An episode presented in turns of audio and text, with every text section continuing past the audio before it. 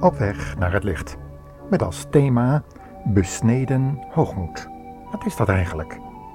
Het is een programma van de Stichting Adulam over Jeremia 9.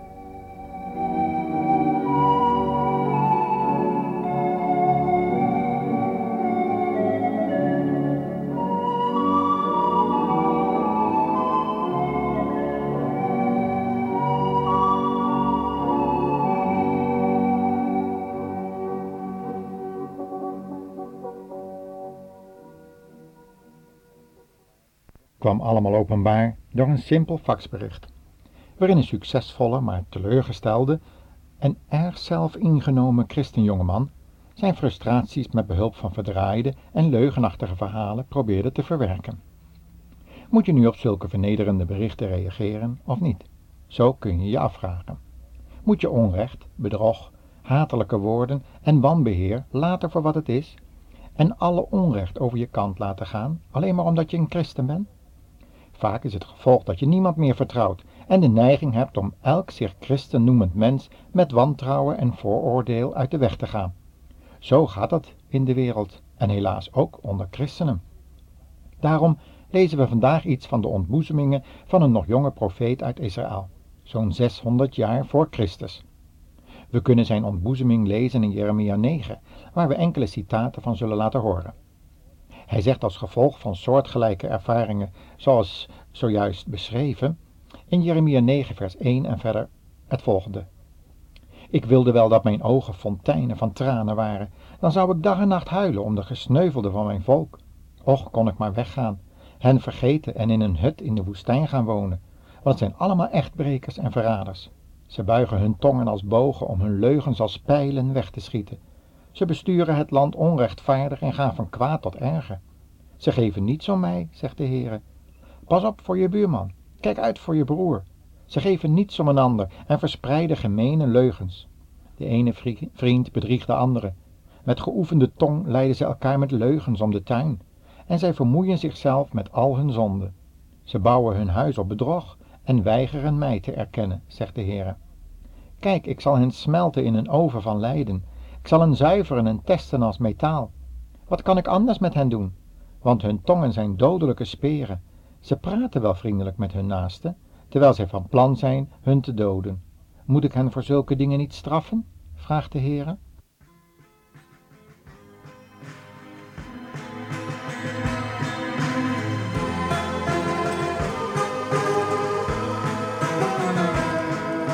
Ik droomde dat de kernbom afgeschaft, dat niets de aardse vrede kon verstoren. Tot ik plotseling gedreun van lazen hoorde en soldaten met een stemgen zag. Waarmee de ene mens de andere vermoorden.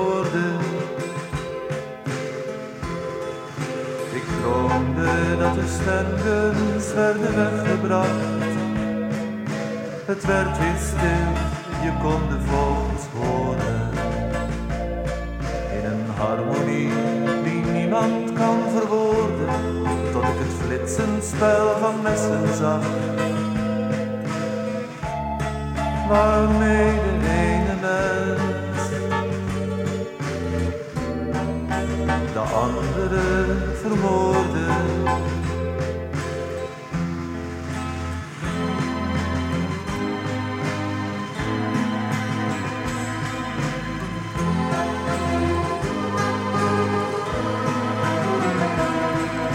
Ik droomde dat de messen werden weggegooid.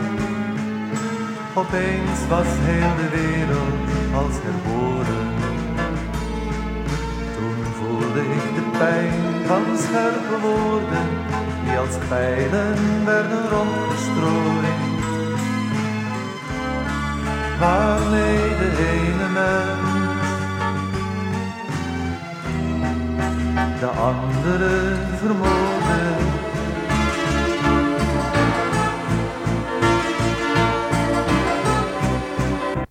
Tja, deze profeet wist waar hij het over had. Toen hij het komende oordeel over zijn ontrouwe volksgenoten moest uitspreken. En zo'n profetie gaat er nooit in als we niet hebben ingezien hoe rechtvaardig dat oordeel van God eigenlijk is. En dat geldt ook voor onze tijd, luisteraar. Overal zien en beleven wij dat onrecht. En het neemt alleen maar toe in deze wereld van bedrog, haat, geweld en wanorde. Het is alleen nog maar aan de liefde en het geduld van God en de voorbeden van de hoge priester, Jezus Christus, te danken dat deze aarde nog niet is vernietigd onder de brandende toorn van Gods wrekende gerechtigheid. Vaak denken mensen, ook christenen, dat Gods liefde gerechtigheid uitsluit. Maar op het kruis bewees God juist hoe liefde en gerechtigheid hand in hand gaan. Gods oordeel over de zonde werd immers op dat kruis tot uitvoering gebracht. En dat alleen maar omdat de Heer Jezus gezegd had: Vader, ik kom om uw wil te doen. En op het kruis had hij geroepen: Vader, vergeef het hun, want ze weten niet wat zij doen. En dat gebed op het kruis moest ons allemaal verootmoedigen en tot bekering brengen. Paulus zegt het in de brief aan de Romeinse gelovigen. In Romeinen 2 vanaf vers 1 zegt hij: Maar ook alle andere mensen treft dit oordeel. Want wie zegt dat dergelijke mensen streng gestraft moeten worden, veroordeelt daarmee zichzelf. U doet immers dezelfde dingen. Wij weten dat God rechtvaardig oordeelt. Hij geeft ieder die zulke slechte dingen doet een rechtvaardige straf. Of denkt u misschien dat u, die anderen veroordeelt voor dingen die u zelf ook doet, Gods straf zult ontlopen? Bent u dan niet blij dat God zoveel liefde toont en trouw en geduldig is?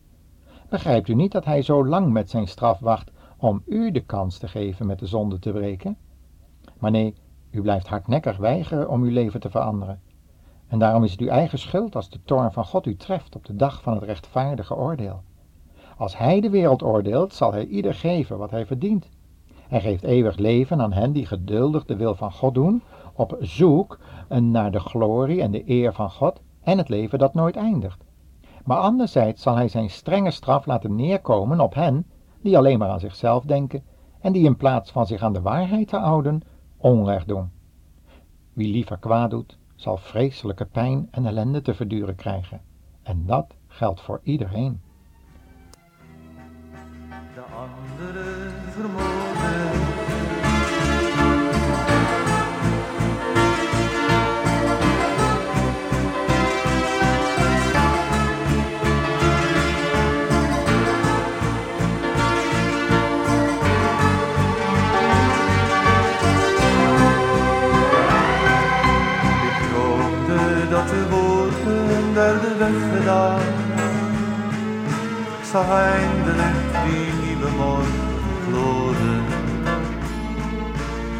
Alles werd weer stil zoals het hoorde. Maar ik zag harten vol met haat. Waarmee de ene mens de andere vermoorde. Ik droomde dat de harten werden afgeschaft. Ik werd wakker en ik schreeuwde door de nacht. Geef mij een zuiver hart, een zuiver hart.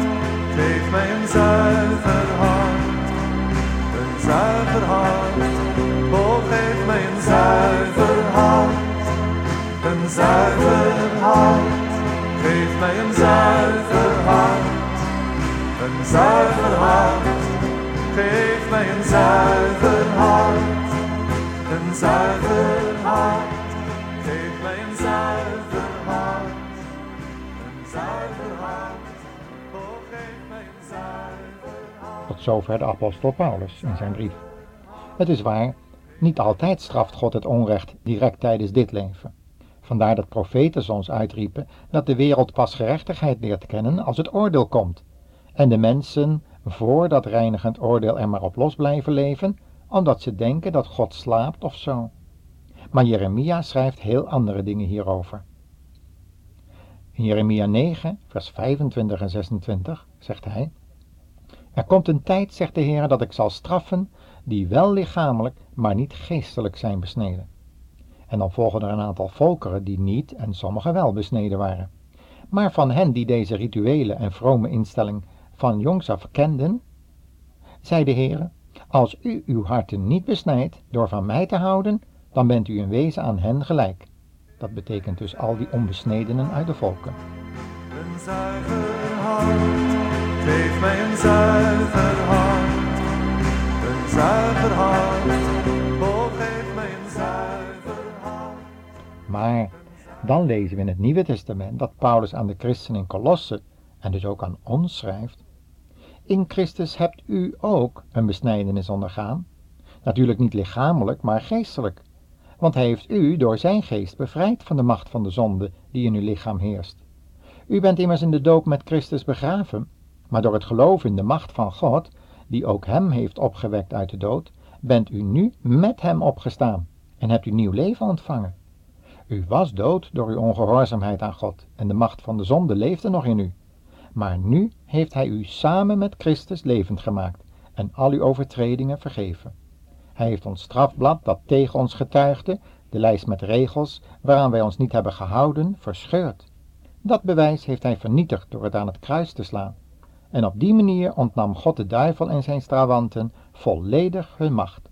Hij heeft hen in het openbaar te kijk gezet en daarmee laten zien dat zij door het kruis van Christus overwonnen en verslagen zijn. Thank you.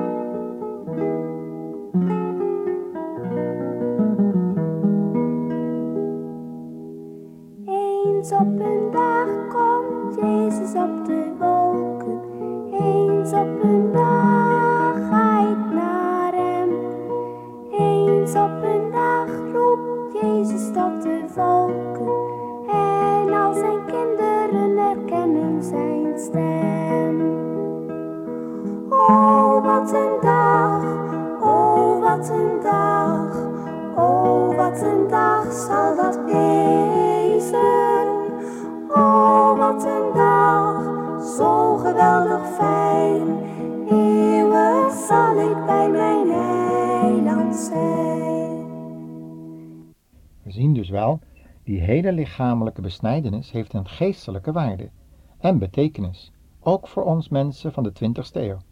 Want moeten ook wij, al noemden we ons christelijk, niet besneden worden van onze ongebroken trots, die we ook tegenover elkaar nog veel te vaak laten zien? Horen we niet geregeld dat christenen elkaar voor de rechtbank dagen en dat hierdoor ongelovigen, maar naar waarheid zoekende rechters het christelijk geloof helemaal niet waarderen of geloofwaardig vinden? Laten wij ons als christenen toch daarover verootmoedigen en opnieuw bezinnen op wat we verloren schijnen te hebben. Onze geloofwaardigheid, onze innerlijke kracht en de eeuwige waarheid die ons in Gods woord was geschonken.